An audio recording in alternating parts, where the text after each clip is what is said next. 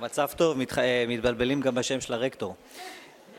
צהריים טובים, אני שמח לראות אתכם שוב, ראיתי אתכם בסמסטר הקודם, אז זה היה, היו נושאים קצת אחרים, מפץ גדול אחר, עכשיו זה מפץ גדול תרבותי. אני אספר קצת על ההרצאות, על המרצה, המרצה הוא פרופסור אוריה שביט, שהוא פרופסור בחוג לערבית ולאסלאם, בתוכנית למדעי הדתות, תחום המחקר שלו זה תיאולוגיה אסלאמית מודרנית, מחקר ההלכה, סוציולוגיה של מיעוטים מוסלמיים במערב, והנושא אתם רואים אותו, האסלאם והמערב, מפגש או התנגשות ציוויליזציות. אני אגיד מספר מילים על ספרים שלו, הספר שסיים לכתוב לאחרונה עוסק בחופש המדע, במושג הספק המדעי במחשבה האסלאמית, וכל זה בראי היחס לתורת האבולוציה, והוא עושה גם מחקרי שדה, ומחקרי השדה האחרונים שלו עסקו בהתפתחות האסלאם באיסלנד, בקבוצות כדורגל אסלאמיות בגרמניה, בתרבות הילד בקהילות הסלפיות בלונדון ובבירמינגהם. אני משוכנע וגם אני רואה לפי זה שיש לנו כאן full house שאתם מאוד תועשרו בהרצאות האלה ואני מאחל לכם הנאה רבה, אני לצערי לא אוכל להשתתף אבל אני אפגוש אתכם בסוף כדי לשמוע רשמים. אז בהצלחה ואוריה תודה רבה.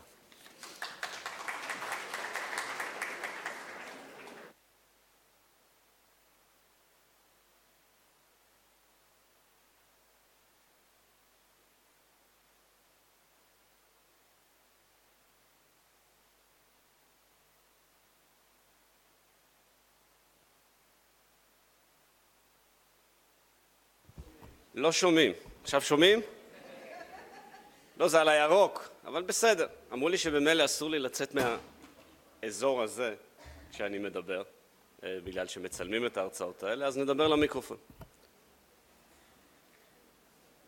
מרקו רוביו כמעט איבד קריירה על הדבר הזה, אז צריך להיזהר. שם הסדרה שלנו הוא ה... שם הסדרה שלנו הוא האסלאם והמערב. אלה מכם שהגיעו כמה דקות לפני תחילתה, שמו לב שאנחנו נפתח כל הרצאה באחד או שניים שירים של זמרים שמייצגים את המיזוג בין אסלאם למערב, והיום זו הייתה דלידה, דלידה האחת והיחידה, עם שני שירים שהם מהאהובים בשפה הערבית, קיל מחילווה וסלמה יא סלמה, גם בשבוע הבא יהיה משהו לא פחות מוצלח. מילה קצרה מאוד של תודות, לפני שאני ניגש לעניין עצמו. קודם כל לרקטור וללשכת הרקטור, שהזמינו אותי לתת את הסדרה הזאת, טלי שמר, ראש לשכת הרקטור. לכפיר גרוס, שלא נמצא כאן היום, אבל עוזר לי לאורך כל השנה, לאמיר רונלי, תלמיד החוג לערבית, שיושב שם בחדר הבקרה וידאג להפוך את העניין ליותר מעניין בשביל כולכם. אמיר גם קיבל השבוע מצטיין דקן, אז זאת הזדמנות לברך אותו.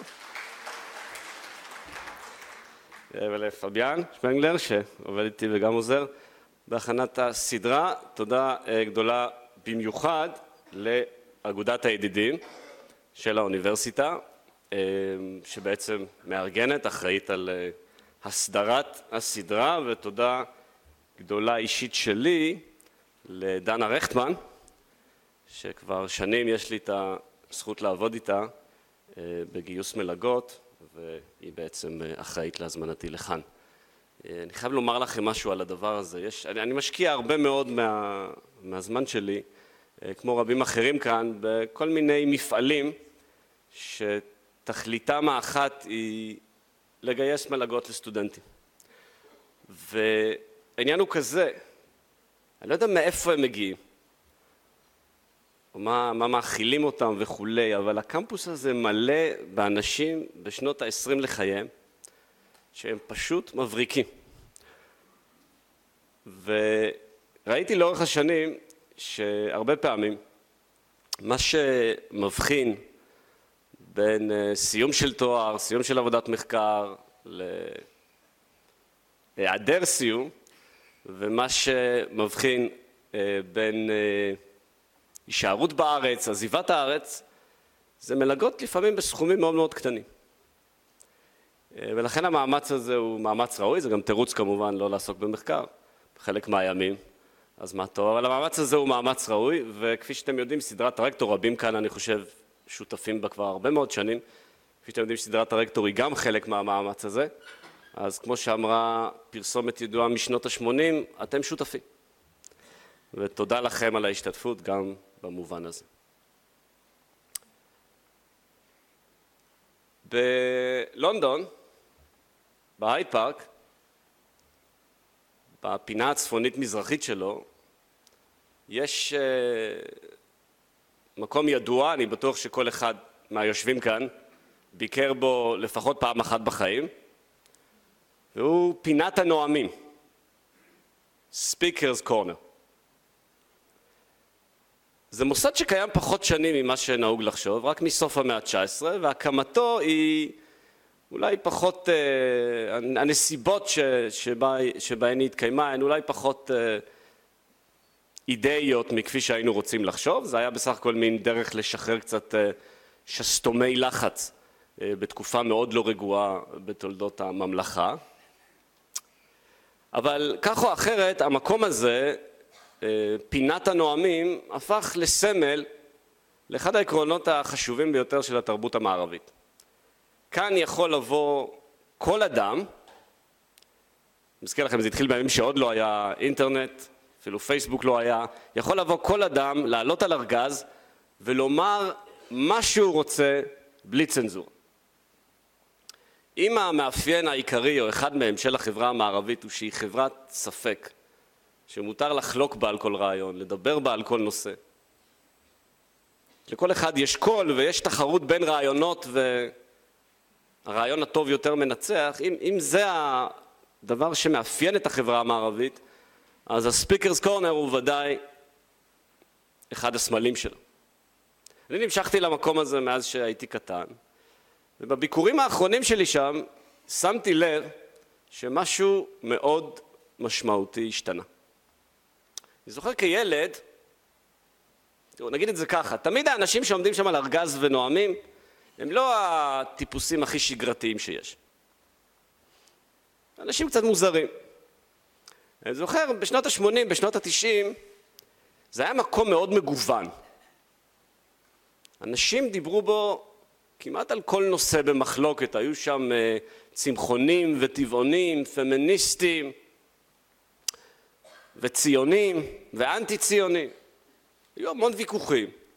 ובפעמים האחרונות שהייתי שם שמתי לב שכל האנשים עם הברק בעיניים והמראה הטיפה מוזר שיש שם מדברים על אחד משני נושאים,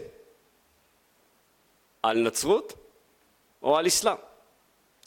ועל פי רוב הם אלה עם הברק המיוחד ביותר בעיניים, לפחות של אלה שמדברים על אסלאם, שאיתם מטבע הדברים היה לי שיג ושיח.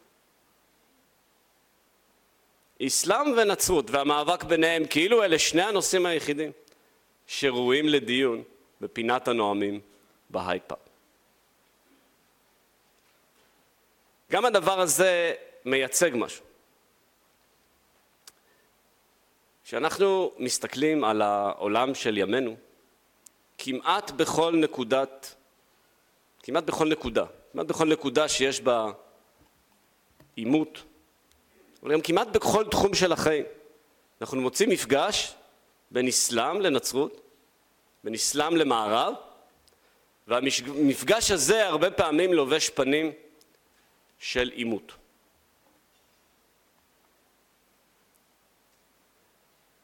מיום שעלה האסלאם ועד לסוף המלחמה הקרה, המפגש ולא פעם העימות בין אסלאם למערב ובין אידאות של אסלאם לאידאות של מערב היה אחד הכוחות הפעילים והמשמעותיים ביותר בהיסטוריה. הוא לא היה הכוח היחיד. למאבקים בתוך הנצרות ולמאבקים בתוך האסלאם היה משקל לא פחות גדול.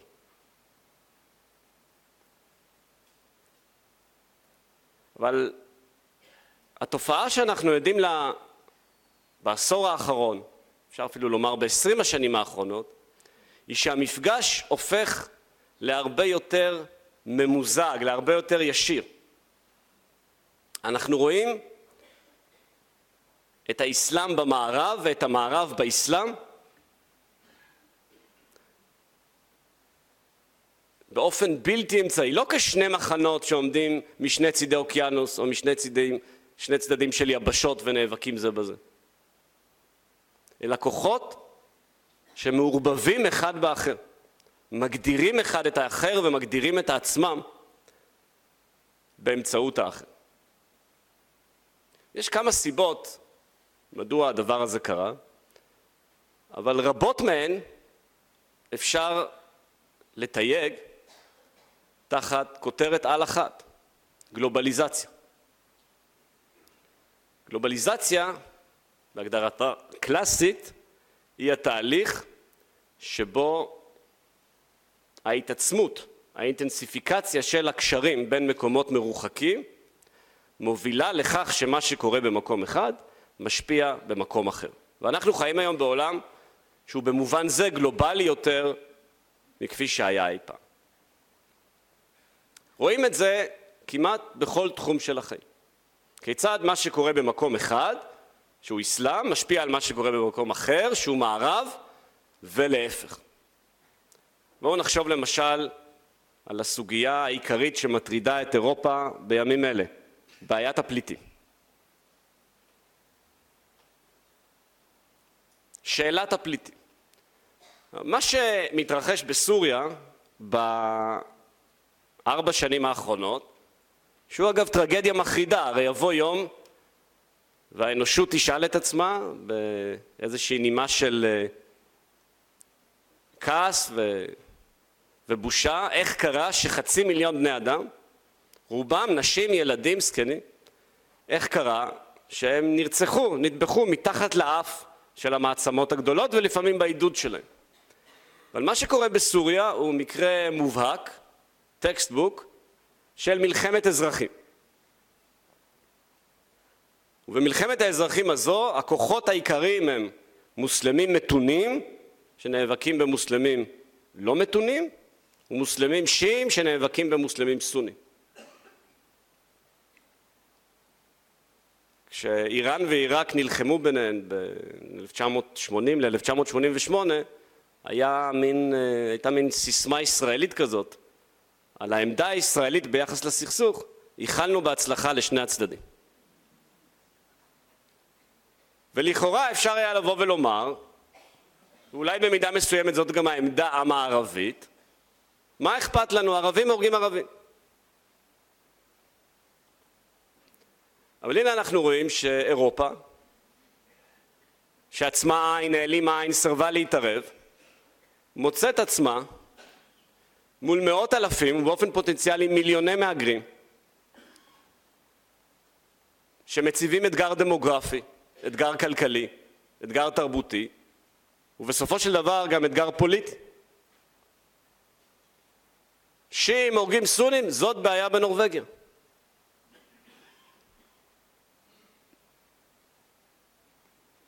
האסלאם נלחם בתוך עצמו, אבל הוא נמצא גם באירופה, שהוא נלחם בתוך עצמו. בואו נחשוב על דוגמה אחרת, אולי יותר ביזארית. ודאי גם אתם עוקבים אחרי הבחירות המקדימות בארצות הברית. ואחד הדברים המוזרים שאנחנו רואים שם, כן, אחד הדברים המוזרים שאנחנו רואים שם, אנחנו רואים גם על המסך, הוא הג'נטלמן הזה. זו מערכת בחירות מאוד מוזרה ומאוד מעניינת מהרבה בחינות, שמשנה הרבה דברים שחשבנו שאנחנו יודעים על פוליטיקה. דבר אחד סתם, כדוגמה שלא שמים אליו לב. פוליטיקה אמריקאית הייתה כל השנים מאוד צעירה, יחסית למשל לפוליטיקה הישראלית. הנשיא המבוגר ביותר שנבחר אי פעם, היה רולנד רייגן, ולא מלאו לו 70. הג'נטלמן הזה והגברת שכנראה תתמודד מולו, שניהם בני 69 היום, והדבר הזה נתפס כמובן מאליו, ועד עכשיו לא ראיתי שהוא אפילו עורר שאלה. אני מניח שזה נופל תחת הקטגוריה של 60 זה 40 החדש. אבל דבר יותר מדהים שקורה במערכת הבחירות הזו, הוא שעמד האיש הזה לפני כמה חודשים ואמר אמירה שהרוב הגדול של הפרשנים הניחו לאחר שאמר אותה שזה סופו. אתם זוכרים מה הוא אמר? הוא אמר, אם אני אהיה נשיא, מוסלמים לא ייכנסו לארצות הברית. לא מוסלמים רעים, לא מוסלמים שחשודים בטרור. מוסלמים לא ייכנסו לארצות הברית, ובמילים אחרות, חמישית מאוכלוסיית האנושות לא תיכנס לארצות הברית. זה עורר גינויים רפים. באותה נקודה עדיין חשבו שהמרוץ שלו הוא מרוץ אה, זמני וכמעט אה, אקראי או הומוריסטי. אבל הדבר היותר מדהים שקרה, הוא שמיד אחרי ההצהרה הזו שלו, הוא זינק בסקרים. זינוק תלול. והתברר שכמעט רוב מבין חברי המפלגה הרפובליקנית תומך בו, ותומך באמירה הזו. לא רוצים מוסלמים באמריקה. ופעם אחרי פעם שמראיינים את התומכים שלו בכניסה לקלפיות, הם חוזרים על משפט אחד. סוף סוף מישהו אומר את מה שכולם חושבים. זו נקודה מאוד דרמטית בהיסטוריה של יחסי מערב ואסלאם. שגם ברגעים הקשים ביותר של ה-11 בספטמבר ואחריהם, הייתה זהירות מאוד גדולה מצד מנהיגים פוליטיים, למשל ג'ורג' בוש הבן, לרגע אחד לא להפוך את העימות לעימות בין אסלאם למערב. הייתה הבנה שהרעיון של עימות בין מיליארד וחצי איש למיליארד איש הוא לא רעיון טוב. צריך להגביל את העימות, לא להרחיב אותו. אבל מערכת הבחירות בארצות הברית בינתיים שוברת גם את הטאבו הזה. אנחנו רואים את האסלאם במקומות שעד היום הוא לא היה נוכח בהם, לא כדת. ואחת הדוגמאות, הרקטור הזכיר את זה בדברי הפתיחה שלו, היא כדורגל. מי היה מעלה בדעתו לפני עשרים שנה שהשאלה כיצד להתאים את צום הרמדאן למאמץ הפיזי שנדרש במשחק של 90 דקות תהיה שאלה מרכזית על סדר יומם של פיזיולוגים ושל מאמני כושר. אבל היא שאלה מרכזית ומסיבה נורא פשוטה. ב-1992, כשהפרמייר ליג הבריטית יצאה לדרכה, היה בה שחקן מוסלמי אחד, לפחות אחד שהזדהה כמוסלמי. היום יש בה כ-40, וחלקם שחקנים מובילים מאוד. אז צום הרמדאן הוא בעיה אחת. האם להתיר לשחקן לצום ולשחק? האם לוותר עליו? איך אפשר לנהל כך כדורגל מקצועני? אבל בעיה אחרת היא בעיה של הסכמי חסות. או אתגר אחר הוא אתגר של הסכמי חסות. אתם רואים כאן בתמונה את קבוצת ביירן מינכן, ואם תסתכלו טוב, תראו שכמעט כל השחקנים מניפים כוס בירה, הגיוני, קבוצה מבוואריה, מניפים כוס בירה, כוס הבירה היא של החברה שמעניקה חסות לביירן מינכן, אבל יש שני שחקנים שלא מניפים כוס בירה, בהפגנתיות. אחד מהם, שמוכר בוודאי לפחות לחלק מיושבי האולם, הוא פרנק ריברי, שנולד כצרפתי נוצרי, אבל גדל בחגורות הפרברים שבהן חלק גדול מהאוכלוסייה הוא מוסלמי, וכדי שיוכל להתחתן עם אהובת ליבו, התאסלם. אז פרנק ריברי לא מרים כוס בירה, ואני מבטיח לכם שהספונסר לא אהב את זה.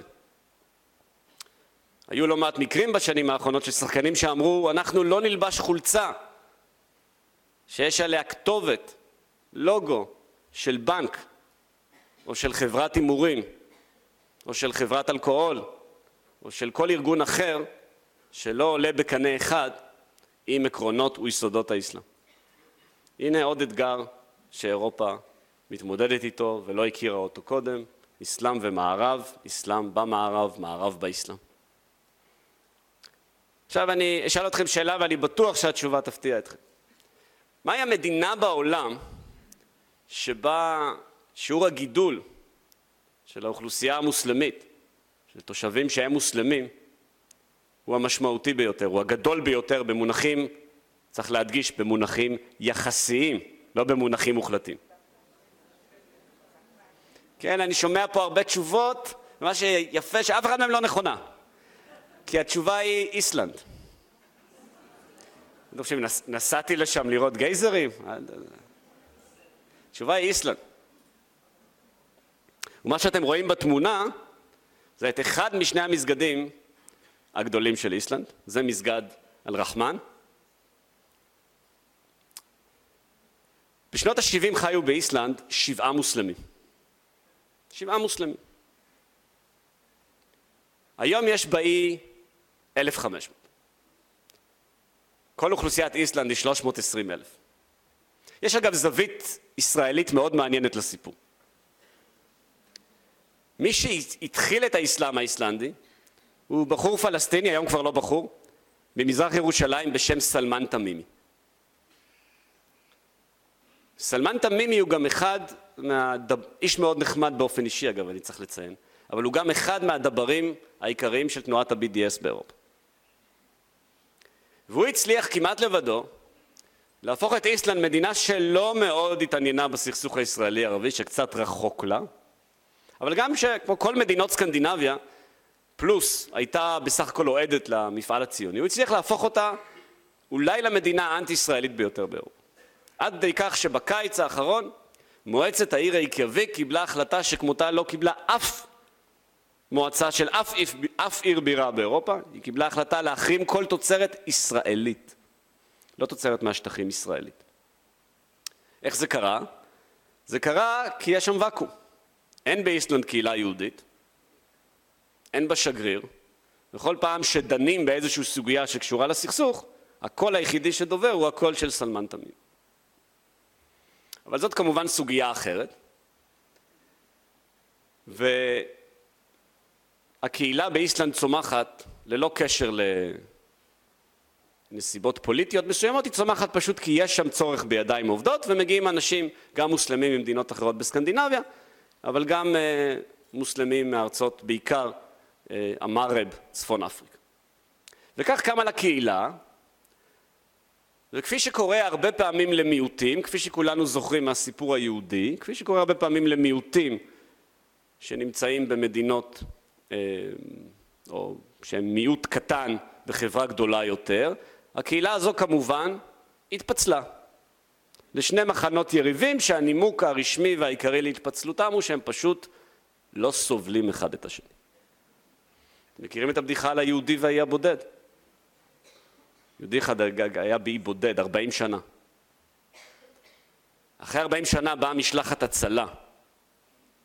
העלו אותו לספינה, העלו אותו לספינה, ראו שבאי הבודד יש שני בתי כנסת. מה? יהודי אחד. למה שני בתי כנסת? הוא הצביע על המרוחק ואמר, אתם רואים את זה? כף רגלי לא תדרוך שם. אז זה פחות או יותר המצב באיסלנד. ולשתי הקהילות האלה יש כמובן אימאמים. האימאם של המסגד שראיתם בתמונה הוא ג'נטלמן מצרי מאל-עזר. ושתי הקהילות האלה עסוקות מאוד בשאלה הלכתית אחת, שהיא שאלה גורלית מאוד. במיוחד היום אנחנו ביום מאוד חם ולא נעים, אז אתם יכולים להרהר בשאלה הזאת. מה לדעתכם תהיה השאלה ההלכתית העיקרית שמהווה בעיה באיסלנד, ולא מהווה בעיה בהרבה מקומות אחרים? בדיוק. באיסלנד בקיץ האור נמשך כל היום, יש מחלוקת אפילו בשאלה אם בכלל יש לילה. ומדוע השאלה הזו כל כך גורלית למוסלמים, במיוחד כשלוח השנה ההיג'רי הוא כפי שהוא לאחרונה? בגלל צום הרמדאן. בגלל צום הרמדאן. ובכן, התפתחו באסלאם מסוף המאה ה-19 שתי תפיסות הלכתיות מנוגדות. האחת אומרת, מי שחי באזור שבו השמש שוקעת מאוחר מאוד, לא כל שכן יש ספק אם היא שוקעת בכלל, צריך לצום או על פי שעון מכה, העיר הקדושה ביותר למוסלמים, או על פי השעון של המדינה המתונה הקרובה ביותר, נניח צרפת, או על פי השעון של המדינה שהיא גבול הכיבושים האסלאמיים בהיסטוריה.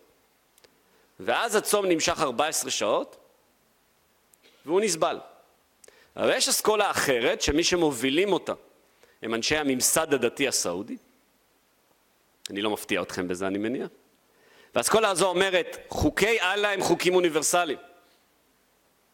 אם אלוהים קבע בקוראן, באופן מפורש, שצריך לצום מעלות השחר עד שקיעת השמש, גם אם זה אומר צום של 23 שעות ו-59 דקות, זה מה שצריך לעשות. כי אלוהים יודע טוב מכל אחד אחר את נפשם ואת יכולותיהם של ברואיו. זה לא עניין של מה בכך, מוסלמים באיסלנד עובדים בבנייה, עובדים בענף המסעדות, עובדים בהרבה עבודות אחרות שהן תובעניות פיזית, ואלו מהם שלוקחים על עצמם צום של 22 שעות, צום שנשבר ב-12 בלילה ומתחדש ב-2 בבוקר, לוקחים על עצמם מעמסה לא פשוטה. אחת החוויות היפות ביותר שהייתה לי במחקרי שדה היא לשבת כמה פעמים עם אנשי מסגד אל-רחמן בשעה 12 בלילה, שנשבר הצום של אנשים שצמים 22 שעות. רמז, הם היו די רעבים.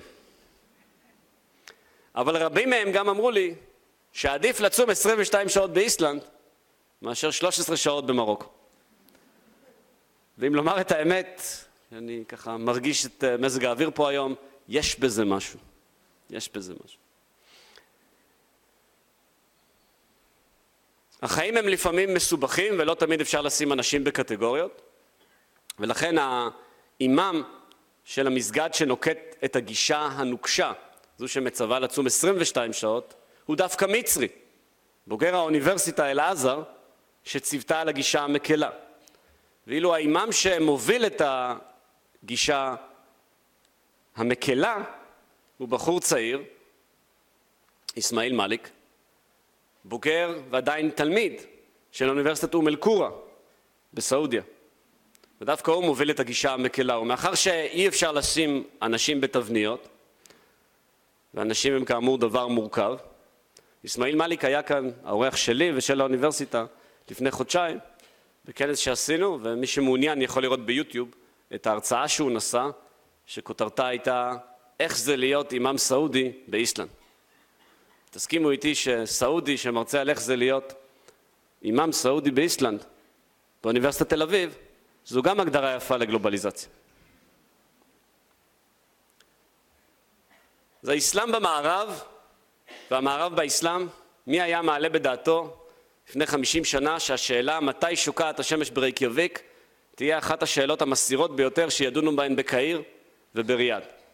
אבל זה העולם שאנחנו חיים בו היום והסדרה שלנו במשך 12 מפגשים אם אני לא טועה תהיה מסע שיוליך אותנו להרבה שאלות מרתקות שכל אחת מהן היא שאלה גורלית ממש.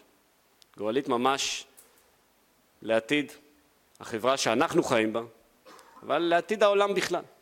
נדבר על שאלת חופש המדע באסלאם, נדבר על שאלת הדמוקרטיה בחברות מוסלמיות, נדבר על אל-קאעידה ודאעש ועל היסודות הרעיוניים שלהם.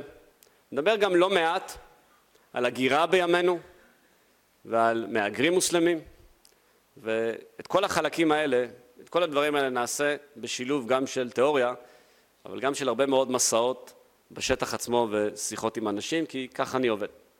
יש טקסטים ויש גם אנשים. אם אנחנו חוקרים חברות בני, בנות זמננו, אין שום משמעות לטקסטים בלי לבדוק מה אנשים אומרים ביחס לטקסטים. ונתחיל את המסע שלנו, כמו שהציע פעם ג'ולי אנדרוס, ממש בהתחלה. בשנת 570 נולד נביא בעיר מכה. ושמו מוחמד, מוחמד בן עבדאללה. שם אביו היה עבדאללה, שם אמו היה אמינה, והוא נולד בחצי ערב שונה מאוד מזה שאנחנו מכירים היום בכמה וכמה מובנים. באותה תקופה זה היה אחד המקומות הגרועים ביותר לגור בהם. מדבר צחיח, שלא מים ולא אוכל מובטחים בו, אבל היו בו כמה נווה מדבר, ומכה הייתה אחד מהם. רוב חצי ערב היה מורכב משבטים. רובם היו שבטים נודדים, אבל חלקם היו שבטים שהתיישבו. וחבל הארץ הזה, הלא חשוב אסטרטגית, מי העלה אז בדעתו נפט? כמובן שאתם שואלים סעודים, הם אומרים, ברור שאף אחד לא העלה בדעתו, אבל עכשיו אתם מבינים. החבל ארץ הלא מאוד חשוב הזה נמצא בין שלוש מעצמות גדולות יותר, שלכל אחת מהן היו חולשות משלה. האימפריה הביזנטית, מייצגת הנצרות המזרחית, האימפריה הססנית, שדתה הייתה זורואסטרית, והאימפריה החבשית, האתיופית, שדתה הייתה נוצרית קופטית. חצי הערב לא שימש אפילו אזור חיץ של ממש בין האימפריות האלה, הוא היה בפריפריה של הפריפריה של הפרוקסיס שלהם. אבל המאבקים בין האימפריות, ובעיקר בין הססנים לבין הביזנטים, היו כאלה, שלאורך השנים החלישו את שתיהן, ויצרו בעצם ואקום גדול יותר מזה שמשקיפים ואסטרטגים, אם היו כאלה בשנת 570, היו יכולים לעלות בדעתם. השעה הייתה כשרה לעלייה של כוח חדש.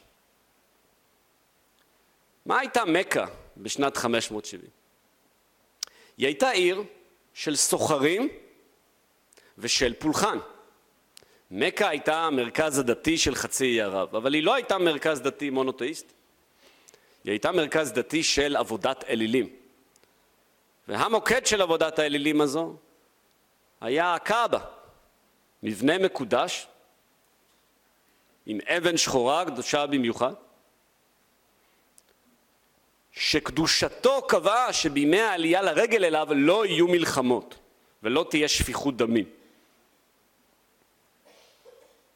מה שהקנה למכה מעמד מיוחד, מעין לא רק נווה מדבר, אלא שמורת טבע, ארץ מקלט, בתקופות מסוימות. בחצי ערב חיו גם שבטים יהודיים, וחיו גם נוצרים. והייתה אינטראקציה מתמדת, הרבה לפני הגלובליזציה, בין אתיופיה לבין חצי ערב.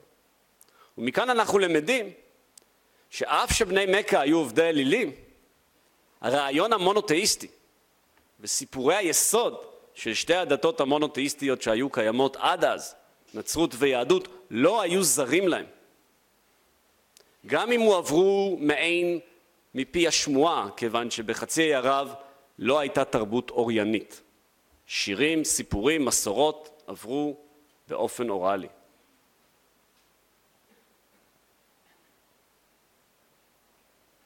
מוחמד לא נולד ולא גדל בתנאים של מי ששפר עליו מזלו. המסורת המוסלמית מספרת שבשנת 570, כשהוא נולד, יצאו בני חבש למסע מלחמה שתכליתו הייתה לכבוש את מכה. אבל המצור על מכה נכשל, ומדוע הוא נכשל על פי המסורת המוסלמית? הוא נכשל כי אלוהים לא יכול היה כמובן לאפשר לנביא המיועד שלו ליפול בשבי או להיות קורבן למעצמה נוצרית. ועל כן אלוהים שלח מן השמיים, כמסופר בסורה 105 בקוראן, אלוהים שלח מן השמיים ציפורים מופלאות שהטילו אבנים על הפילים של מלך אתיופיה והובילו לתבוסתו. אבל אחר כך באו שנים פחות טובות לנביא, אמו מתה, אביו מת, הוא גדל כיתום אצל אה, סבו ואצל דודו, הוא לא ידע קרוא וכתוב, ובעוניו כי רב הוא מצא עצמו עובד בשירותה של סוחרת עשירה במכה ושמה חדיג'ה. כסוחר נודד הוא נחשף יותר לרעיונות אחרים ולתרבויות אחרות. המיתולוגיה האסלאמית מדגישה מאוד, וזה דבר יוצא דופן, מדגישה מאוד את היותו של מוחמד בור ועם הארץ. אדם נטול השכלה ונטול ידע. ומדוע היא עושה זאת? עוד ניגע בכך בהרחבה בהרצאה אחרת. אבל במשפט אחד היא עושה זאת משום שככל שמוחמד היה בור יותר, ככל שהוא יותר לא ידע קרוא וכתוב, לא ידע שום דבר על העולם, כך אנחנו יכולים לשכנע באופן נחרץ יותר שאכן הוא היה נביא האלוהים. האם בור ועם הארץ יכול היה להביא לעולם ספר כמו הקוראן? בוודאי שלא. המפנה הגדול בחייו של מוחמד מתרחש בשנת 610. הוא בן 40, גיל הבינה. פוגש אותו מתוך דמדומים המלאך גבריאל, ואומר לו את המילים החשובות ביותר בשפה הערבית, ומהחשובות ביותר בהיסטוריה האנושית. אומר לו, קרא, קרא בשם אדונך. וכאן מתחיל התהליך שבו מוחמד יקבל על עצמו את הנבואה ויעביר לאנושות את הקוראן, את ספר האמת המוחלטת של האל. זה קורה בשנת 610 במכה. וזה לא מתקבל יפה במכה. מוחמד נתפס כמי שכופר בעיקר, וכמי שמנסה לשנות סדרי עולם. רגע היסטורי גדול מאוד, שבאופן מוזר, אולי בעצם לא מוזר, אין לנו ייצוגים שלו בתרבות כמעט. אנחנו כמעט לא רואים אותו בסרטים, בקולנוע, זה הרי יכול להיות אפוס הוליוודי מדהים. יש לכך כמובן סיבה, אבל לפני שניגע בה, ולפני שנמשיך לתאר את אה, סיפור חייו של הנביא ושל עליית האסלאם, בואו נקדיש שלוש דקות לרגע של נוסטלגיה.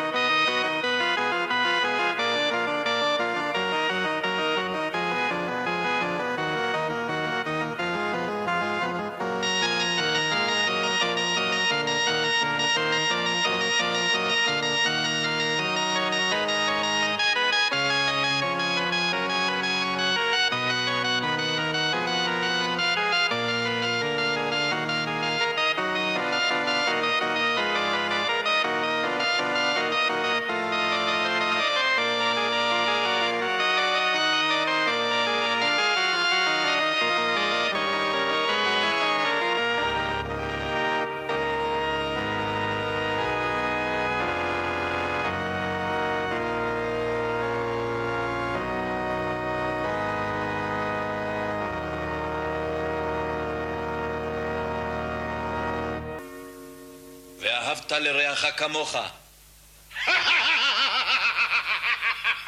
נתחיל איתו אם הוא כזה פיקח.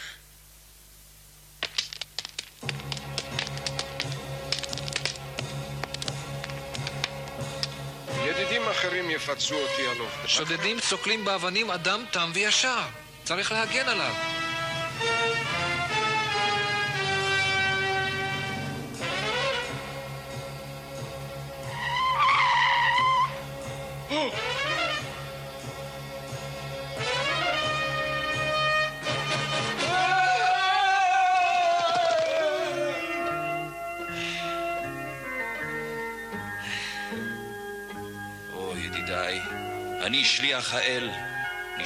אל בני האדם האמינו באל ובי ותזכו להגיע לגן העדן.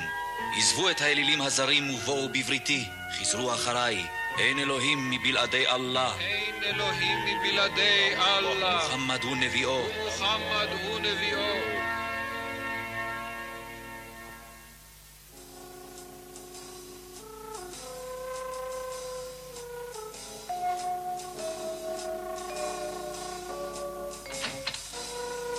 מוחמד מטיף למרד בקרב עניי הארץ.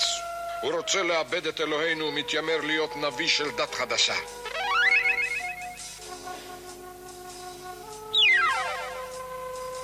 והוא רוצה גם להפריע למסחר הוגן בכל מיני טוענות של הבל. זה בלתי נסבל, זה מחפיר ממש.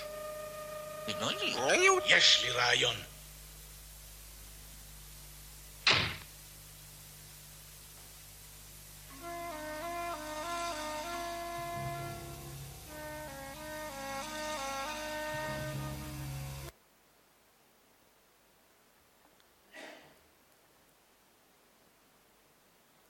אם יהיה אור בכל האולם לדעתי זה יהיה פחות מוזר. שמתם לב למשהו מעניין בקשר לנביא והייצוג שלו בסדרת דגל, פרויקט ענק של הטלוויזיה הצרפתית ורשויות שידור אחרות משנות ה-70, הרבה הרבה לפני שרלי אבדו. לא רואים את הפנים של הנביא. נכון. על פי האסלאם, לא תעשה לך צלם ותמונה. כלומר, ייצוג של פנים, אנחנו נראה בהמשך הסדרה דברים מאוד מאוד מוזרים בהקשר הזה, אבל ייצוג של פנים, תווי פנים אסור. נקודה מעניינת היא אה, שסדרה כזו שהיא מאוד אה, מדויקת ומה שאומרים, כמו שאומרים באנגלית, unsparing בהתייחסות שלה להיסטוריה, כבר בשנות ה-70 לנקודה הזו הייתה רגישה.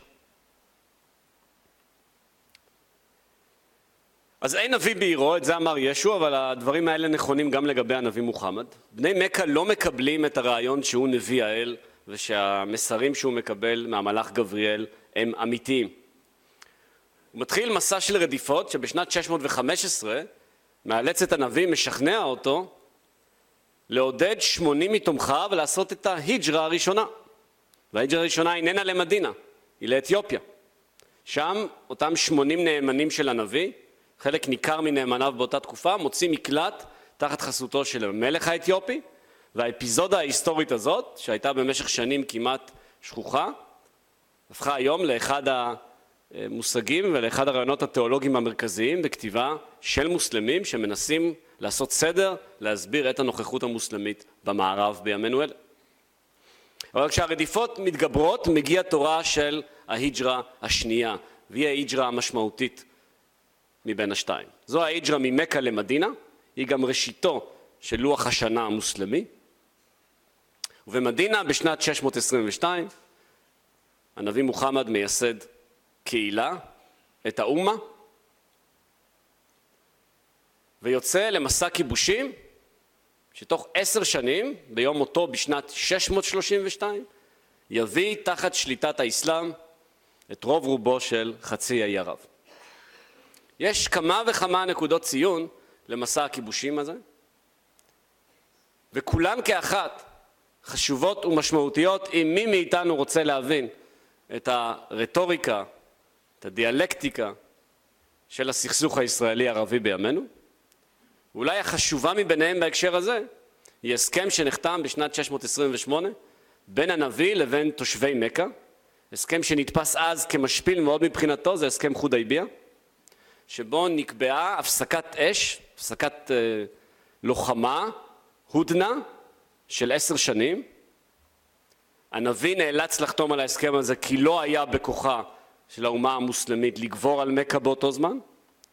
בני מכה חשבו שהם ייהנו מתקופה מסוימת של אה, רווחה ושל ביטחון, אבל לא חלפו אלא שנתיים, ולאחר שהנביא ניצל את התקופה של ההודנה כדי לכבוש ולהשתלט על אזורים נוספים בחצי ערב, כולל על שבטים יהודים, שמכה לא יכלה לבוא לעזרתם בגלל ההסכם, בשנת 630 הנביא כובש את מכה, ובכך בעצם האסלאם משלים את הכיבוש של חצי ערב. ועם מותו של הנביא ב-632, בשני המרכזים של האומה, במכה ובמדינה, הרצון לכיבושים, השאיפה לכיבושים, לא פוסקת. ותוך מאה שנה, פרק זמן כמעט חסר תקדים, אומת האסלאם, אותה אומה שמייסד הסוחר, הבור, שמוצאו מרקע עני, היתום, אותה אומה שהוא מייסד בשנת 622, תוך פחות ממאה שנה, משתרעת על שטח שמגיע לגבול צרפת במערב ולהודו במזרח. כבר אז אחת האימפריות הגדולות ביותר שידעה האנושות. מה אפשר לומר על הדבר שייסד מוחמד בשנת 622 במדינה? מה אפשר לומר עליו בהערכה היסטורית? אפשר לציין קודם כל את הכמעט מובן מאליו. הוא ייסד דת, ולדת הזו היו יסודות מאוד ברורים. היא נשענה על חמישה עמודי תווך, ארכן. את הראשון מביניהם ראינו ביוהיה, אבל בגרסה לא לחלוטין מדויקת. עמוד התווך הראשון של הדת שייסד הנביא הוא הקביעה אין אלוהים בלעדי אללה, מוחמד הוא נביאו. בלי וו החיבור. אין אלוהים בלעדי אללה, כלומר אמונה באל אחד. ומישהו מוסלמי מאמין, מאמין שמוחמד הוא נביאו, הוא למעשה מאמין בדבר נוסף. שמוחמד הוא גם נביאו האחרון, השליח האחרון שלו, הרסול האחרון שלו. אינך יכול להיות מוסלמי מאמין על פי התפיסה של האסלאם האורתודוקסי אם אתה לא מקבל שיש אלוהים אחד, שמוחמד היה נביאו ושליחו, חותם הנביאים, ו... וזו נקודה מכרעת, שהוא היה השליח האחרון. ועל כן העלאווים או הדרוזים למשל לא ייתפסו על ידי רוב המוסלמים כמוסלמים אורתודוקסים, כמוסלמים נאמנים, משום שהם לא מקבלים את העיקרון הזה של האחרון. עכשיו תשאלו, אמרתי שליח ואמרתי נביא. שליח אלוהים ונביא אלוהים, מה ההבדל? האם יש הבדל? יש הבדל. כל שליח הוא גם נביא, אבל לא כל נביא הוא שליח. תפקידו של הנביא להתריע ולהזהיר את הקהילות שאליהן הוא נשלח על כך שהן אינן מקיימות את חוקי האל. אבל השליח הוא מי שמחדש את החוק. הוא מביא התגלות חדשה לאנושות. משה היה שליח. ומוחמד הוא שליח. ומדוע אנחנו אומרים שהוא חותם הנביאים ולא חותם השליחים? משום שממילא כל שליח הוא גם נביא.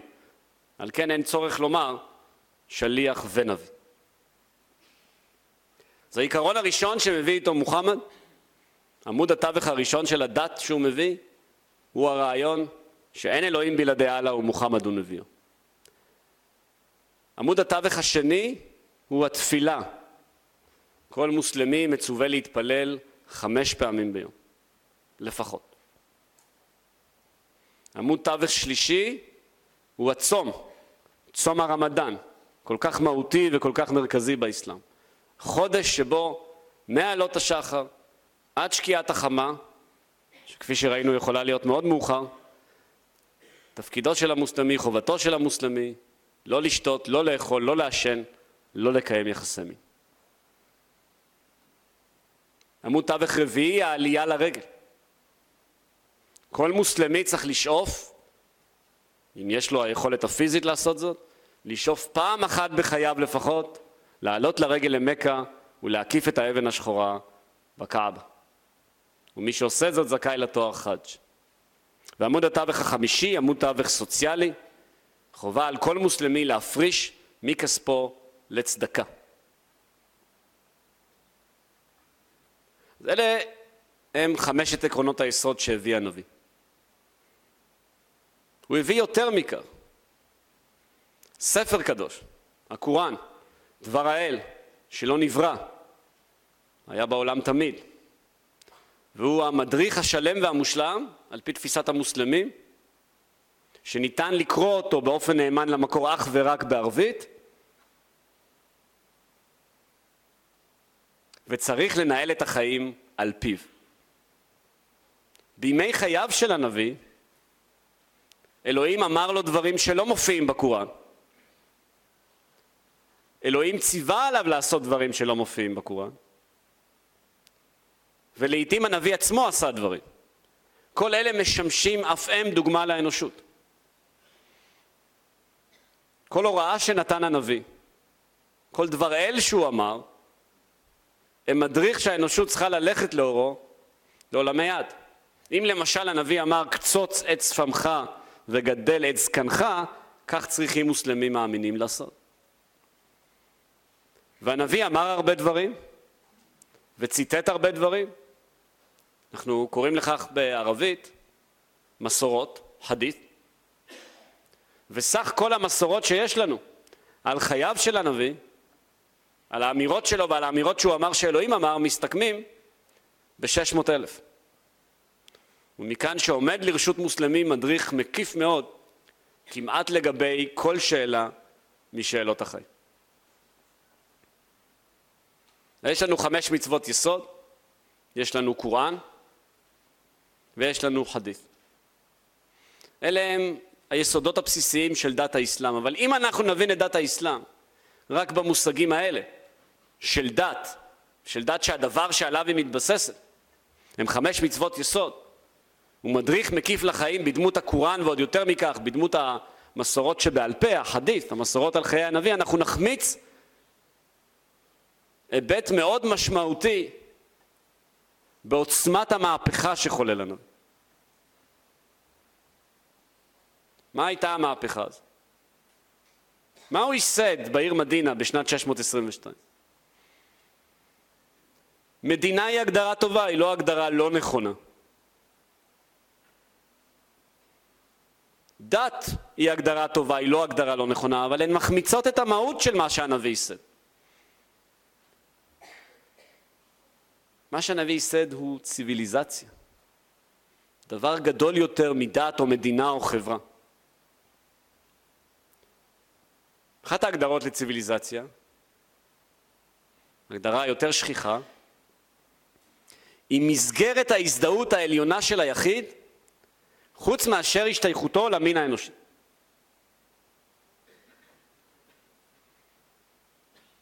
הנביא בא מחברה שבטית מאוד. חברה שבה השבט הגדיר את זהותו, את השתייכותו, את נאמנותו של היחיד. והשבטיות של החברה מנעה ממנה אחדות פוליטית.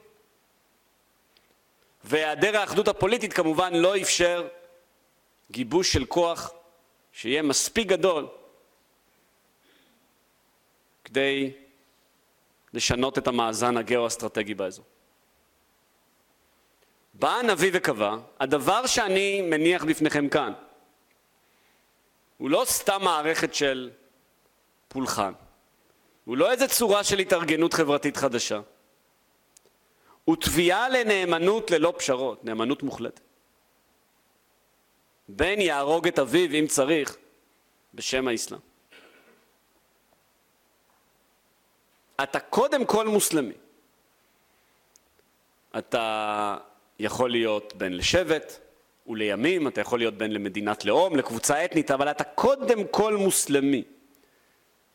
ומה שהופך אותך למוסלמי הוא לא השאלה למי נולדת, מה צבע העור שלך, מה המגדר שלך. מה שהופך אותך למוסלמי הוא דבר אחד, הוא פשוט. האם אתה אומר את השהדה? האם אתה מעיד את העדות? אין אלוהים בלעדי אללה, מוחמד הוא נביאו. בשלב הראשון של עליית האסלאם היה כוח אדיר לאמירה הזאת, כי אפשרה לבני שבטים להתלכד ככוח גדול יותר. בשלב השני, שלב הכיבושים מחוץ לחצי ערב, גם כן היה כוח גדול מאוד לאמירה הזו. משום שאפשרה לקבוצות שאינן מוסלמיות להתאסלם ולקוות לקבל מעמד שווה במסגרת המוסלמית.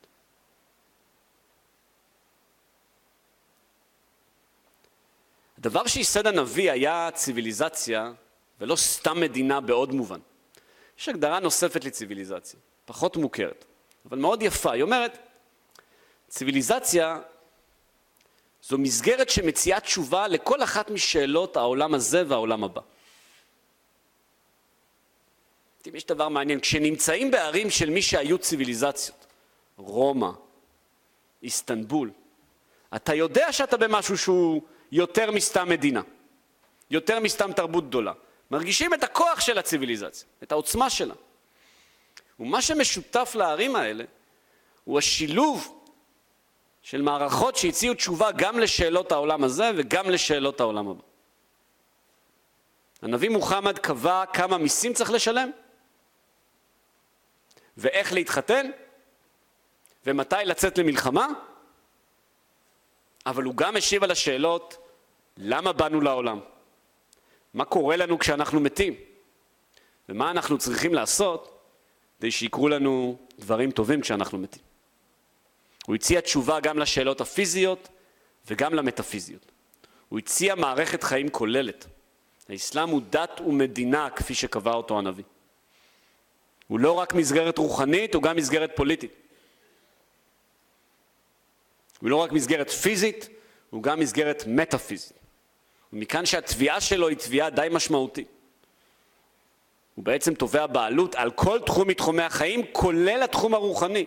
כלומר, כולל התחום שעוסק בשאלה איך ייראו חיינו אחרי שיבואו לסופם.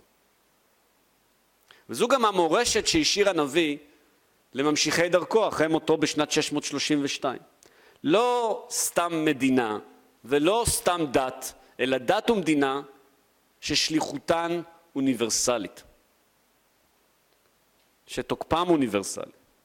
הם אמת שלא ניתנה לעם נבחר, כפי שמוסלמים אוהבים להזכיר, לא לעם נבחר אחד, לא לקבוצה קטנה של האנושות, לא למתי מעט, אלא לאנושות כולה. והאנושות כולה אמורה לקבלה, אמורה לקבל את המסגרת הציוויליזציונית שנקראת אסלאם מסיבה אחת פשוטה מאוד, כי זו האמת, וזה רצון האל. ואי אפשר אלא שיעשה רצון האל. המסגרת הפוליטית האדירה שנוצרה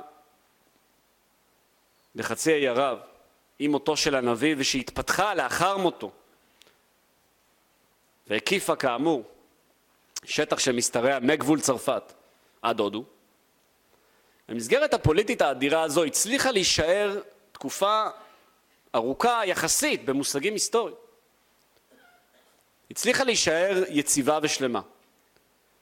אתם יודעים, יותר קל לכבוש מאשר לשלוט. אבל הטריטוריה העצומה שכבשה האימפריה המוסלמית הצליחה להישאר מאוחדת תחת שלטון אחד לאורך עשרות רבות של שנים לאחר מותו ולהרחיב בהתמדה את גבולות שליטתה ולהתפשט גם למקומות אחרים שבהם לא הייתה לה שליטה ישירה כמו אפריקה ודרום מזרח אסיה. והדבר המעניין מבחינה היסטורית כשמסתכלים גם על האימפריה האומאית, זו שמקום מושבה היה דמשק, וגם יורשתה, האימפריה העבאסית, זו שמקום מושבה היה בגדד. כשמסתכלים על האסלאם במאה השמינית, במאה התשיעית, האידיאל שקבע הנביא נשמר.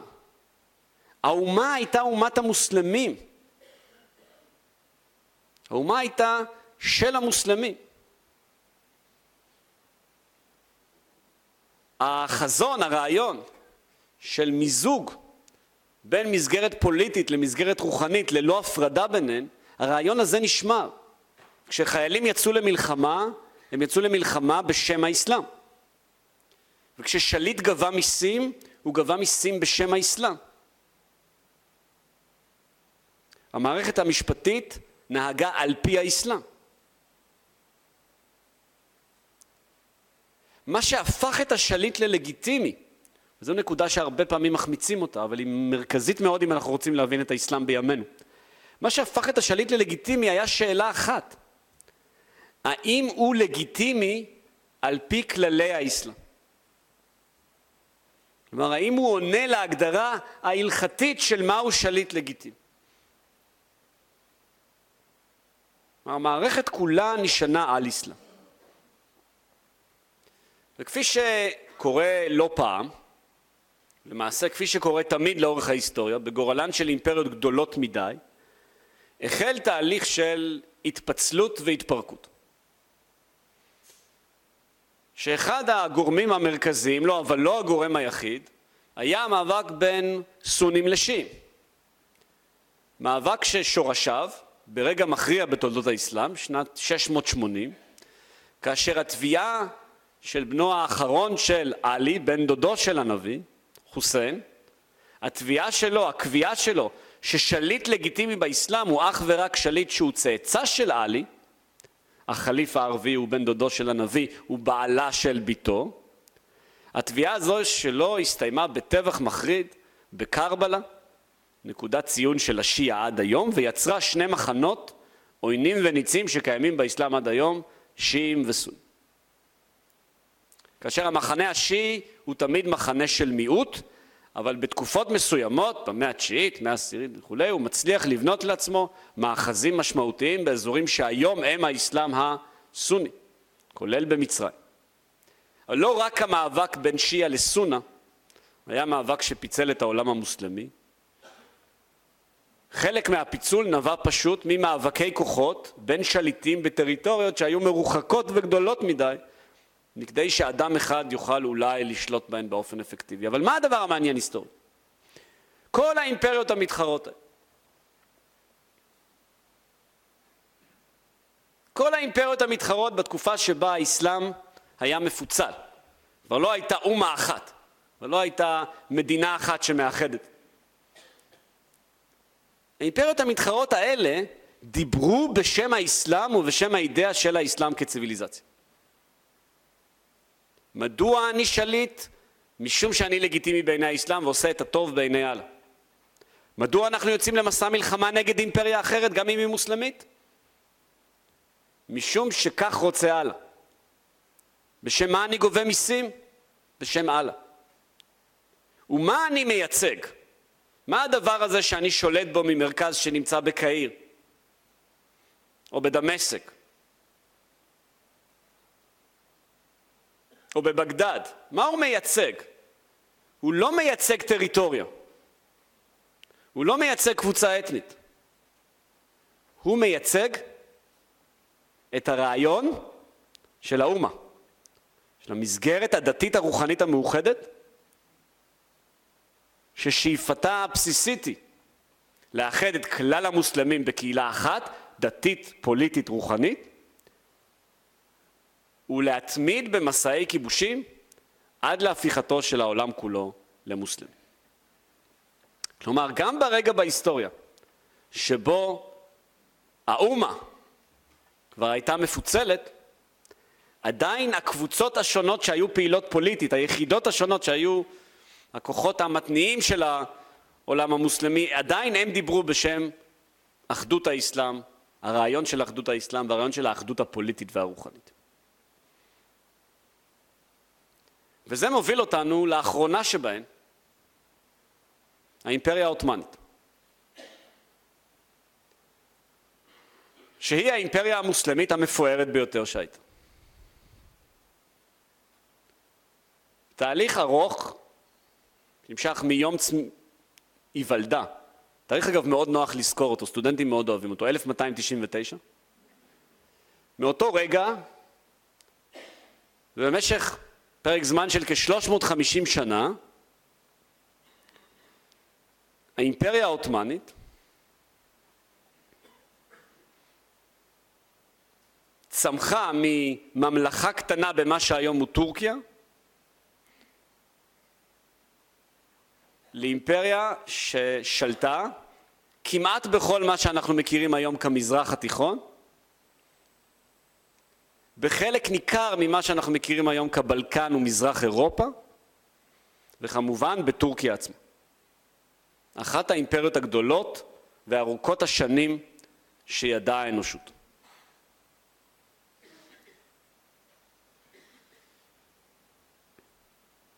כמה סימני דרך בעלייה שלה. הראשון, המשמעותי, הידוע ביותר, רגע מכונן בהיסטוריה של אירופה, 1453, כיבוש קונסטנטינופול והפיכתה לאיסטנבול. סוף הנצרות המזרחית. בעניין הזה, אגב, יש אי הבנה אה, נורא מעניינת. לא יודע אם יצא לכם לראות, אבל בהרבה סרטונים של אה, דאעש, במיוחד כאלה שאפשר היה לראות אחרי המתקפה בפריז, אז אומרים, היעד הבא שלנו הוא רומא, ובכך תתגשם הנבואה. ואז ראיתי כל מיני פרשנים מתחילים להסביר מה עשו האיטלקים. שלחו לפה, פרסמו פה, לא קשור לכלום. אחת המסורות על דברי הנביא היא שהנביא נשאל מי מבין שתי הערים תכבש קודם, קונסטנטינופול או רומא? והוא השיב, קונסטנטינופול. מכאן אנו למדים שמה? הוא לא אמר פריז, הוא אמר רומא. כלומר, אם קונסטנטינופול היא הראשונה, רומא היא הבאה בתור. ואם חלק אחד של הנבואה יתגשם, חזקה עליו ועלינו שגם החלק השני יתגשם. 1453, האימפריה העות'מאנית כובשת את המעוז של הנצרות המזרחית, הופכת את איה סופיה מכנסייה למסגד. והרגע המכריע הבא בהתפתחותה הוא בעשור השני של המאה ה-16, כאשר היא נאבקת וגוברת על הממלכה, האימפריה היריבה העיקרית שלה, וזו אימפריה שגרעינה האתני הוא טורקי, כמו זה של האימפריה העות'מאנית, הממלוכים. העות'מאנים כובשים את סוריה, את לבנון, את ארץ ישראל ואת מצרים, ובכך מבססים את מעמדם כאימפריה המוסלמית הסונית היחידה. עדיין יהיה מאבק בינה לבין אימפריה השיעית שמעוזה באיראן, בפרס, אבל ברגע המכריע הזה של תחילת המאה ה-16 האימפריה העות'מאנית מבססת את עצמה כאימפריה המוסלמית הגדולה ביותר שהייתה וכמייצגת הנאמנה של אידאת האסלאם כציוויליזציה, כאומה פוליטית דתית מאוחדת. מה היו הסיבות להצלחת העות'מאנים? מדוע דווקא שבט קטן מהנטליה הצליח להפוך לאימפריה מהגדולות שידעה האנושות ולאימפריה המוסלמית הגדולה ביותר? יש סיבות רבות, אבל אני אמנה רק שתיים או שלוש מהן שקשורות לגאוניות של שיטת הממשל העות'מאני. עניין אחד היה סדרי ההורשה. באימפריה העות'מאנית בראשיתה אתה לא הפכת לסולטן בגלל שאבא שלך היה סולטן. כשמת הסולטן היה מאבק בין בניו. מי יירש אותו? ומי שהרג את האחים האחרים נהיה סולטן. תדמיינו ארוחות שבת באימפריה הזאת. אבל השיטה הייתה, ככל שהייתה אכזרית, הייתה ביעילות, כיוון שסביר להניח שזה שידע להרוג את האחים שלו, ידע גם לשלוט. בלי יותר מדי סנטימנטים. שיטה שנייה שאפיינה את האימפריה העות'מאנית הייתה אופן הגיוס של הצבא ושל הפקידות הבכירה. זוהי שיטת הדב שירמה. והרעיון היה הרעיון הבא, הרי מהו הפחד הגדול ביותר של כל מנהיג פוליטי? אתם אומרים, תשמור עליי מחבריי, מאויביי אשמר בעצמי. נכון, יש סיבה שאומרים את זה. הפחד הגדול ביותר הוא מחתרנות. יש לך רמטכ"ל, יש לך ראש ממשלה, אתה סולטן, יש פתאום הפיכה ואתה לא יודע מה מחר. השיטה העות'מאנית, שעבדה ביעילות שנים רבות, הייתה השיטה הבאה: כיבוש שטח ובו אוכלוסייה נוצרית, חטיפת הילדים, הבנים הבריאים, בגילאי 10 עד 14 בערך, הפיכתם לעבדי הסולטן ולימים לחיילים הטובים ביותר ולהנהגה הפוליטית של המדינה תחת הסולטן. שזאת שיטה גאונית גם אם היא שוב מאוד אכזרית מהרבה בחינות. במובן זה שהילדים האלה שנחטפו והוכשרו להיות הקצונה הבכירה ואנשי הממשל הבכירים היו נאמנים באופן מוחלט לסולטן, הוא היה האבא, האמא, הסבא, הסבתא שלהם. לא היה להם משהו אחר כיתומים בעצם.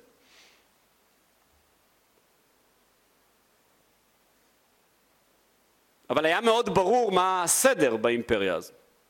היה מאוד ברור לראש הממשלה, שהיה בעצם ילד נוצרי שנחטף בנעוריו, היה מאוד ברור שאם הוא מקבל הזמנה לבוא לסולטן בהקשר מסוים, עליו ללחוץ ידיים לבני המשפחה, חברים, וכעבור שעתיים ראשו, ללא הגוף, היה מונח בכיכר המרכזית. הסדר היה ברור.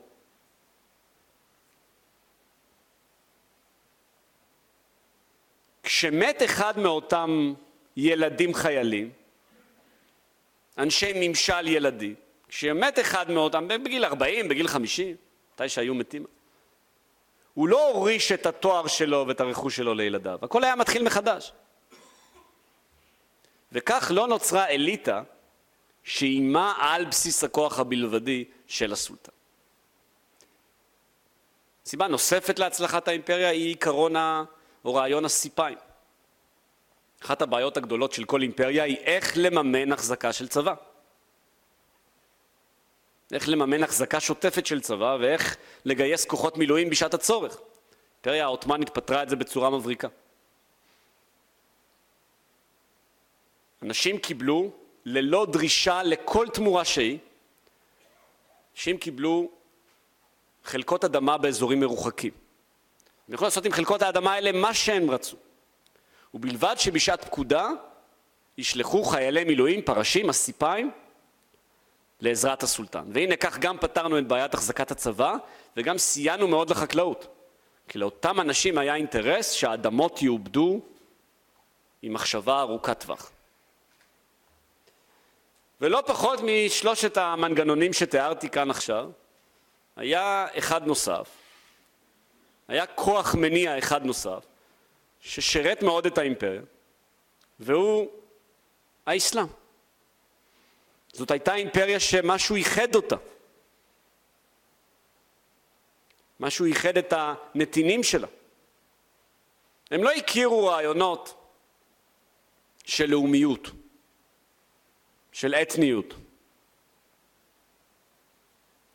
של פטריוטיות טריטוריאלית. כל אלה לא היו באזור שלנו, כמעט בשום צורה, עד המאה ה-19.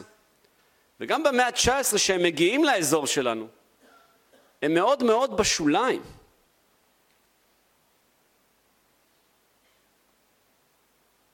אילו חיית בקהיר של המאה ה-17, ביפו של המאה ה-17, באיסטנבול של המאה ה-17, אתה ידעת על עצמך דבר אחד מבחינת זהות. אני מוסלמי או שאינני מוסלמי? ואם אני מוסלמי אני אזרח סוג א', ואם אני נוצרי או יהודי אני אזרח סוג ב', הדת היא שמגדירה מי אני. וזה גם כמובן הגיוני, כי הדת הרי היא לא רק מסגרת רוחנית, ולא רק מסגרת הלכתית, היא גם מסגרת פוליטית. אלה החיים באימפריה העות'מאנית, שבשיא עוצמתה לא מתעניינת ולו באופן מינימלי במה שקורה אי שם בעולם הפרימיטיבי, כלומר באירופה, אצל הברברים. בטוחה מאוד בכוחה, שאננה מאוד, ועיוורת לחלוטין לכך שבאירופה מתרחשת מהפכה גדולה שמשנה את פניה הפוליטיים, אבל גם, ואולי בעיקר, המדעיים והטכנולוגיים. יש הרבה סיבות מדוע האימפריה העות'מאנית שקעה. בגלל כל מיני תהליכים שלא צריך להיכנס להם כאן, שיטת ההורשה השתנתה, והסולטן כבר לא היה האח היותר מניאק, אלא אחיו של הסולטן עצמו, שבמשך כל חייו היה מבודד בארמון עם נשות הסולטן, והגיע לשלטון כשהוא כבר די מבוגר, ולא מאוד לוחמני וללא כל ניסיון, ועל כן גם היה אפקטיבי פחות. אז הנה סיבה אחת לחולשת האימפריה. כפי שאתם ודאי מבינים, שיטת חטיפת הנערים, ביסוס הצבא והממשל על עתודות של נערים נוצרים, זו שיטה שמותנית לחלוטין במה? בכיבוש שטחים חדשים. צריך שכל הזמן תהיה אספקה, וברגע שהכיבושים מסתיימים מסיבה כלשהי, יש פתאום ואקום, ואז הצבא נהיה סתם צבא רגיל, צבא שכיר, שכעבור איזשהו זמן גם בא בדרישות, ויש לו רצונות, ואפילו יוצא למרי נגד הסולטן. עוד סיבה לחולשה. שיטת הסיפיים דעכה. הוחלפה בשיטה אחרת, שיטת האלתיזם, שהובילה לדרדור של מצב האדמות, לדרדור של מצב החקלאים וגם לדרדור מצב הצבא. אבל הסיבה העיקרית לתהליך השקיעה של האימפריה העות'מאנית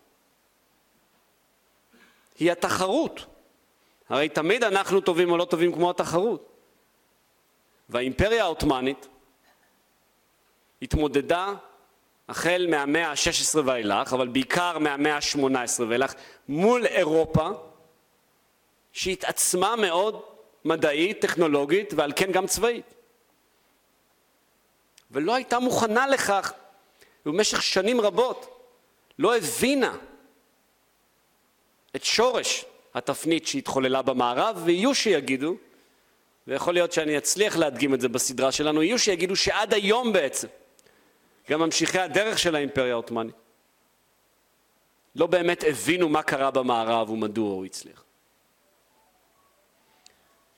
1683, 87, סליחה, המצור על וינה נכשל, המצור של האימפריה העות'מאנית על וינה נכשל, רואים כאן תמונה מפורסמת, וכישלון המצור הזה מסמל בעיני היסטוריונים את ראשית דעיכתה של האימפריה העות'מאנית. את השלב, את הרגע בהיסטוריה שבו האסלאם הופך מכובש לנסוג ונכבש. כי אילו המצור על וינה היה מצליח, כל אירופה המרכזית ולאחריה המערבית הייתה פתוחה בפני האימפריה. אבל המצור נכשל. האימפריה נסוגה, מפקד הכוחות מצא את עצמו כפי שאתם יכולים לתאר לעצמכם, בלי ראש. ומאותו רגע מתחילה תקופה ארוכה של גסיסה הדרגתית ואיטית של אובדן שטחים ואובדן שליטה, שתאפיין את האימפריה עד סופה אמר ממש. רגע מכונן ולא רק סמלי הוא 1798, כאשר כוחות צרפתיים בפיקודו של נפוליאון כובשים את מצרים ללא כל מאמץ, מכוננים בה שלטון של שלוש שנים, שמסתיים לא משום שהעות'מאנים מצליחים לאגור כוחות, לעשות רפורמות, למצוא את הדרך להתגבר על האויב, אלא בגלל התערבותה של בריטניה, שמאלצת את כוחות צרפת לסגת. זה קורה ב-1801. ומאותו רגע ועד תחילתה של המאה ה-20, עצם קיומה של האימפריה העות'מאנית תלוי לחלוטין בדבר אחד. רצונם, רצונן הטוב של בריטניה ושל צרפת. האימפריה זוכה לכינוי שהיא מרוויחה אותו ביושר, האיש החולה שעל הבוספוס. מתחיל עידן של רפורמות כל אחת מהן נכשלת בדרכה, שתכליתו אחת, תכליתו אחת.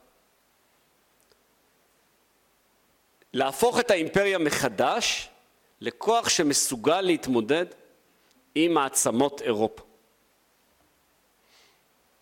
העידן הזה מכונה עידן התנזימת, והתוצאה העגומה שלו, כשהוא מגיע לסוף דרכו, היא שהפער הפער בין עוצמת האסלאם שאותו מייצגת האימפריה העות'מאנית לבין מעצמות המערב הולך וגדל.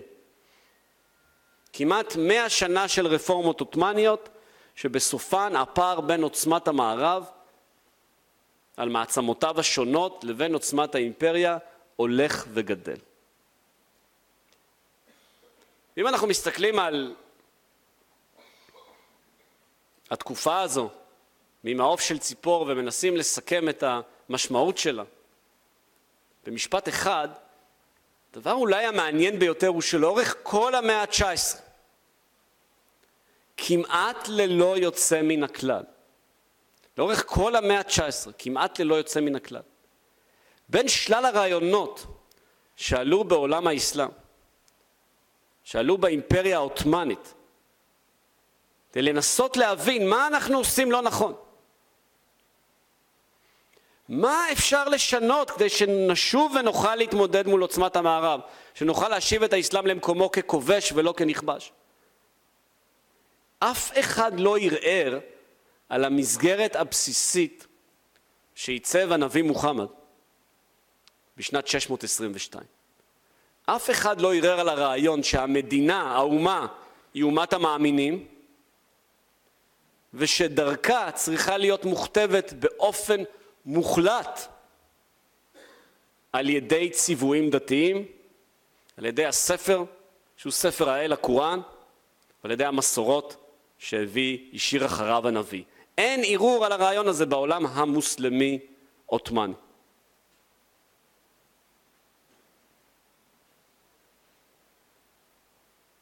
כולנו יודעים איך הסיפור של האימפריה העות'מאנית הסתיים.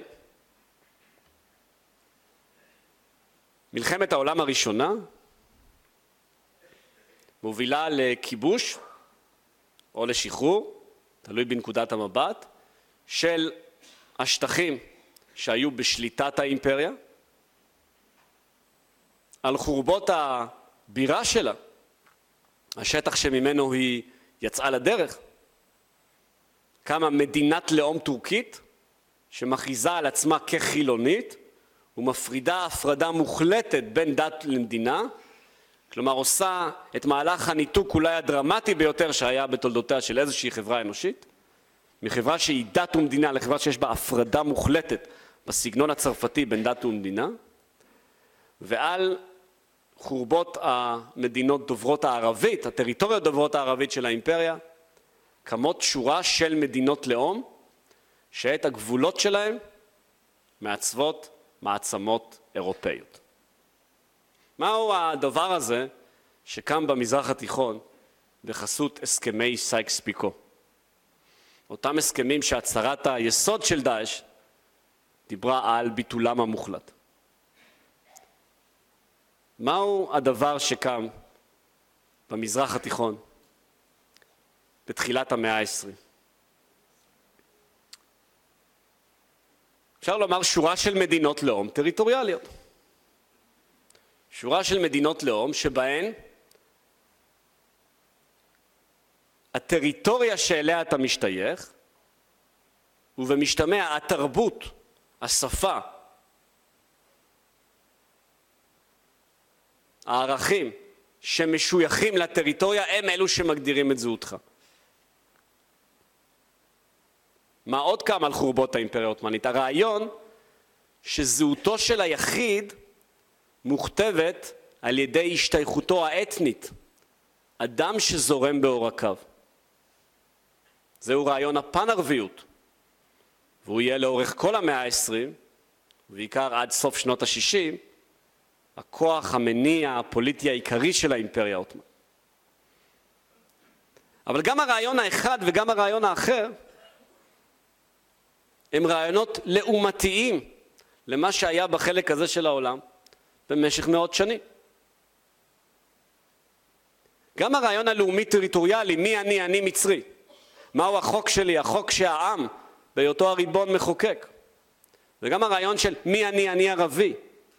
ומהי הזהות שלי, הזהות שלי היא הדם שלי, השפה שלי, הערביות שלי. שני הרעיונות האלה הם לעומתיים לרעיון שהיה המוסכמה, המושכלה הפוליטית של האזור שאנחנו חיים בו מאז שנת 622.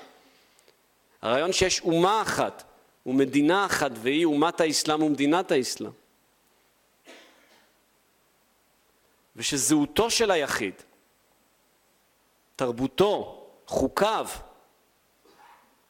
מה שמנהל אותו בעולם, אמורים להיקבע על פי האסלאם, על פי מה שהשאיר אחריו הנביא מוחמד. במידה רבה מאוד, במידה רבה מאוד. כל מה שקרה וקורה בפוליטיקה המזרח תיכונית, והרבה ממה שנכתב בהגות ערבית, אבל גם לא מעט מהאתגרים שאירופה מתמודדת איתם היום, כשהיא בוחנת את עתידם של המהגרים המוסלמים, כולם קשורים ברגע השבר ההיסטורי הזה. כי מה שקרה עם נפילת האימפריה העות'מאנית הוא שבפעם הראשונה מאז שעלה האסלאם ומאז שייסד את האומה במדינה, בפעם הראשונה לא היה שום גוף, לא הייתה שום ישות שייצגה את האידאה של האסלאם כציוויליזציה, כדת ומדינה. זה חלל ריק עצום, שמחה באחת 13 מאות שנים, 13 מאות שנים של מורשת ברורה ומגבשת. ולאורך המפגשים הבאים שלנו, אנחנו נדון בכמה מההיבטים, אני חושב, היותר מעניינים של האתגר הזה. היה יום חם מאוד, והייתם קהל מצוין, אז תודה רבה.